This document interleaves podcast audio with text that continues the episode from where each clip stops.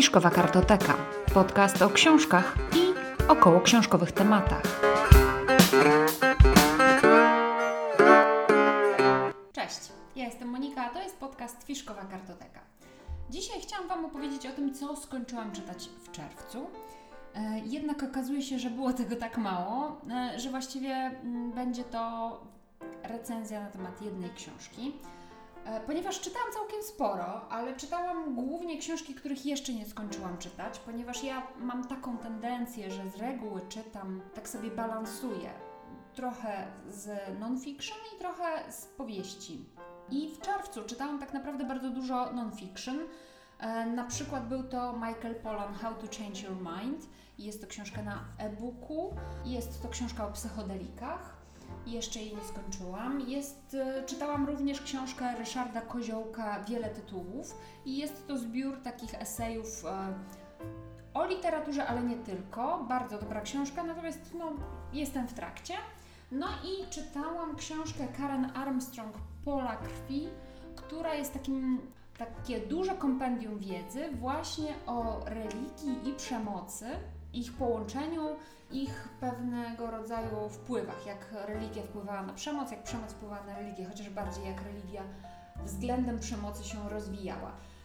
Jest to dość gruba pozycja.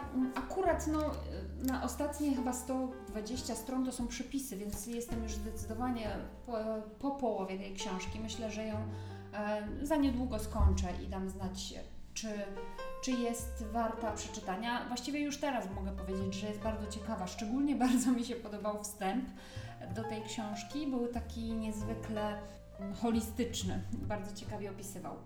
Natomiast poza tymi książkami non-fiction przeczytałam dwie powieści i właściwie to są jedyne książki, które skończyłam. Z czego akurat o książce Dni bez końca już mówiłam w poprzednim odcinku. E, Mówiłam o niej w związku i w porównaniu z inną książką, z takim reportażem Serce Wszystkiego, co istnieje z wydawnictwa Czarnego, bo opowiadają o podobnych e, rzeczach, o podobnej tematyce są te książki ta powieść i tamten reportaż. Jeżeli jesteście zainteresowani tym porównaniem Dni bez końca i Serce Wszystkiego, co istnieje, to odsyłam Was do poprzedniego odcinka tego podcastu. Natomiast kolejną książką, jaką skończyłam, jest to książka Romain Gary, Obietnica poranka. I to jest e, powieść, o której dzisiaj właściwie będę mówić, więc jeżeli Was to interesuje, to zapraszam do słuchania dalej. Od czego chciałabym zacząć, to właściwie od e, samego autora, bo Roman Gary jest dosyć ciekawą postacią z wielu względów. Między innymi z takiego względu, że jest to bardzo popularny pisarz francuski. Jest to pisarz popularny e, również z takiego powodu, ponieważ jako jedyny otrzymał bardzo prestiżową francuską nagrodę literacką, nagrodę Goncourtów. Jest to, to nagroda przyznawana wyłącznie raz w życiu, a Roman Gary otrzymał dwa razy tę nagrodę. E, za chwilkę Wam powiem w jakich okolicznościach. Natomiast w ogóle sama postać tego autora jest niezwykle ciekawa, bo, e, bo tak, no ja przed chwilką powiedziałam, że jest to bardzo znany francuski pisarz, a jeżeli o nim nie słyszeliście, to to jest oczywiście możliwe, ponieważ francuska literatura na polskim rynku wcale nie jest jakoś szczególnie znana i poważana. U nas czyta się chyba głównie francuskich e, egzystencjalistów, jak, jak Camus, jak Sartre, jak e, de Beauvoir. E, znamy również takich klasyków jak Victor Hugo albo Balzac. Ewentualnie jeszcze Michel Houellebecq z takich popularnych, nowoczesnych, mm, nowoczesnych, współczesnych pisarzy. Natomiast Roman Gary jest bardzo znanym francuskim pisarzem, a do tego ma jeszcze związki z Polską. On się urodził w ogóle we, we, nie we Francji, tylko w Rosji. Jako Roman Kacew urodził się w 1000, chyba 1914 roku, gdzieś w okolicach właśnie przed e, I wojną światową. Właściwie był wychowywany wyłącznie przez matkę.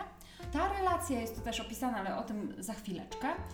W wieku mniej więcej 10 lat, w okolicach 24 roku wyjechali z matką e, 24-25 wyjechali z matką do Wilna.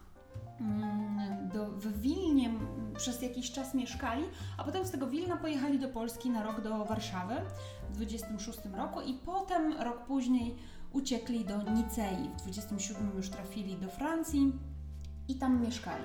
I właśnie przez ten rok pobytu w Warszawie Roman Gary nauczył się języka polskiego i właściwie do końca życia Polska była mu bardzo bliska i znał język polski e, i potrafił się nim posługiwać bez żadnego problemu. E, więc w ten sposób ma e, ten autor związki z Polską. Jeżeli chodzi o tę książkę, jest to autobiografia i ja o tym wcześniej nie wiedziałam, kiedy szukałam jakiejś książki tego autora, ponieważ jestem już po lekturze jego powieści Życie przed sobą. Życie przed sobą właśnie dostało jedną z tych nagród Goncordów, którą, o której wcześniej wspominałam i bardzo tam ta książka mi się podobała, więc chciałam poszukać czegoś e, równie dobrego tego autora. Znalazłam wiele bardzo dobrych opinii o obietnicy poranka, dlatego po nią sięgnęłam. Ale nie czytałam wcześniej, że to jest autobiografia, dowiedziałam się właściwie w trakcie czytania. I okazuje się, że tak, że to jest autobiografia, mniej więcej od czasów, kiedy no, Roman Gary był już w stanie pamiętać coś, czyli gdzieś w okolicach 10 roku życia zaczyna się tutaj historia autora, aż do II wojny światowej, do skończenia II wojny światowej. Ledwo co ta książka wychodzi ponad II e, wojnę światową, tam jest dosłownie parę zdań dotyczących e, czasów powojennych, a sama książka została wydana w 1960 roku, w Polsce trochę później. I to jest książka właśnie, która opowiada losy autora, e, jego wychowaniu z matką oraz jego przygód wojennych. Co bym chciała jeszcze Wam opowiedzieć o tym, fabularny zarys to są właśnie te losy, mm, losy bohatera, losy autora jednocześnie. Wygląda to w ten sposób, że tak naprawdę największą rolę w tej książce odgrywa właśnie relacja matki z synem, ponieważ Roman Gary był wychowywany przez matkę, samotną matkę i wyłącznie przez nią. I ta relacja syn-matka jest tu niezwykle ważna. E, trzeba też wspomnieć, że jest to relacja, w której matka bardzo stara się dobrze wychować dziecko, bardzo stara się mu zapewnić jak najlepszą przyszłość. Chociaż jest bardzo biedna, to ima się wszelakich zajęć, aby dziecku zapewnić dobrą edukację, aby zapewnić dobre zdrowie, wyżywienie, ubranie. Co dodatkowo tutaj warto podkreślić, to to, że mama Romain Gary ma również niezwykle wysokie ambicje dotyczące jej własnego syna. Są to ambicje, aby stał się on kimś bardzo ważnym. Są to ambicje, aby syn stał się kimś nadzwyczajnym, jakimś geniuszem.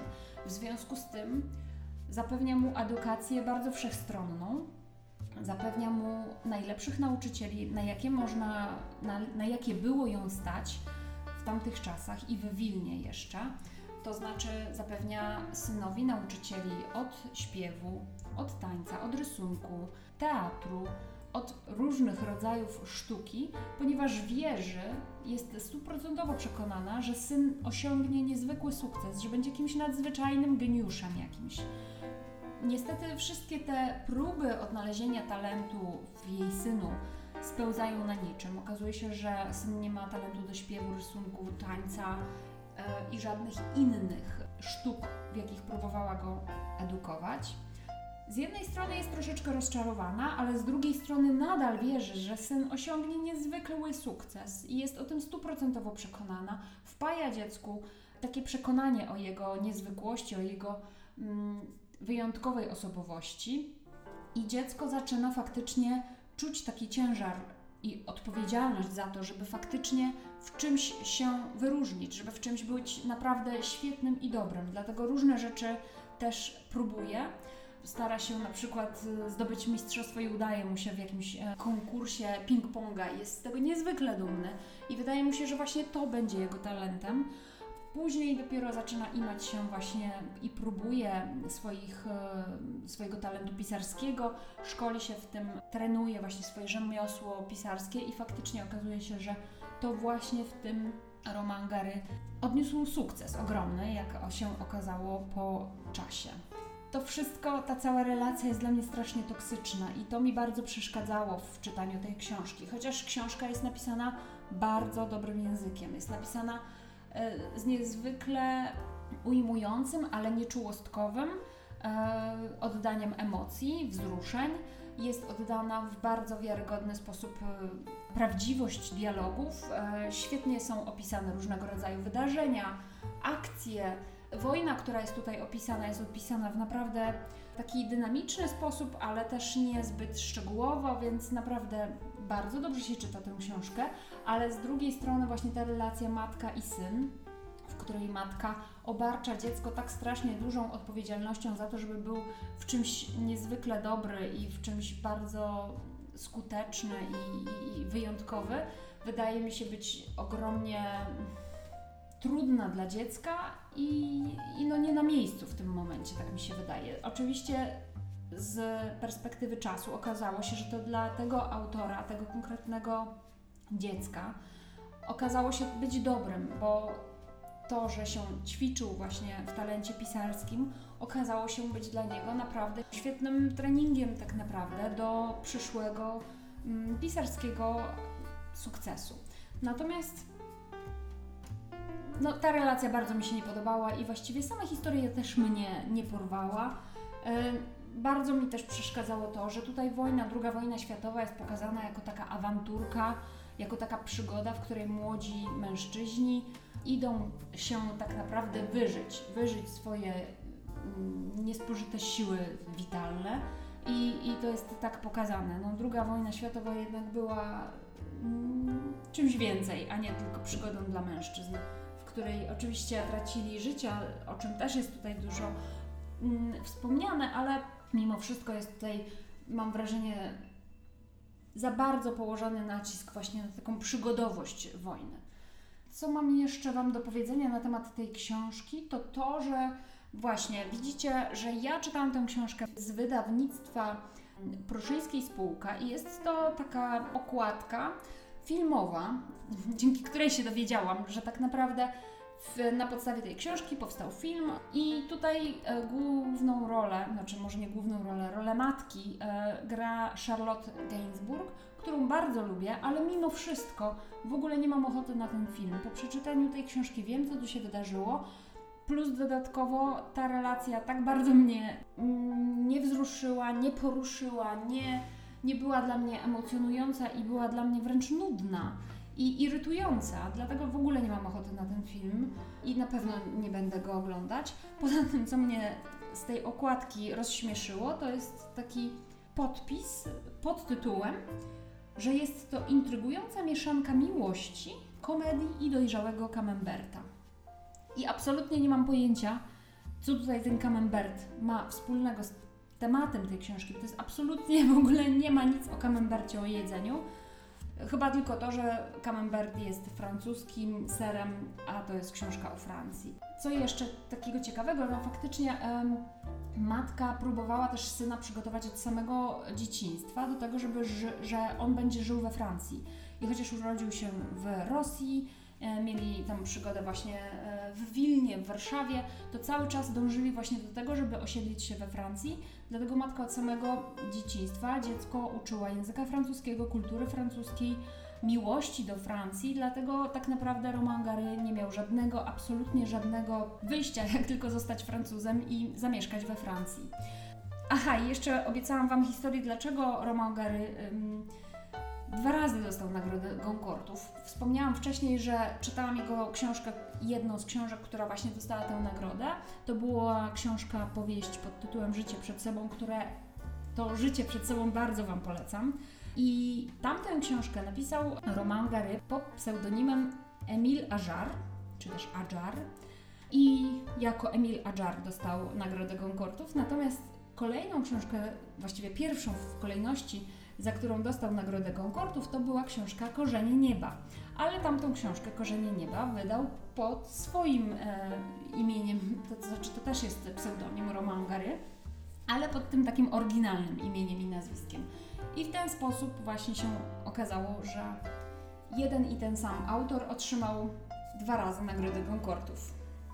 No i chyba to tyle. E, jeżeli chodzi o dzisiejszy odcinek. Bardzo Wam dziękuję za wysłuchanie, za obejrzenie tego odcinka, bo dla tych, którzy tylko słuchają na podcaście, to informuję, że odcinek na YouTube wszedł z moją osobą w postaci filmu. Więc jeżeli jesteście zainteresowani, to zachęcam do subskrypcji również na YouTubie. Tymczasem dziękuję za wysłuchanie odcinka.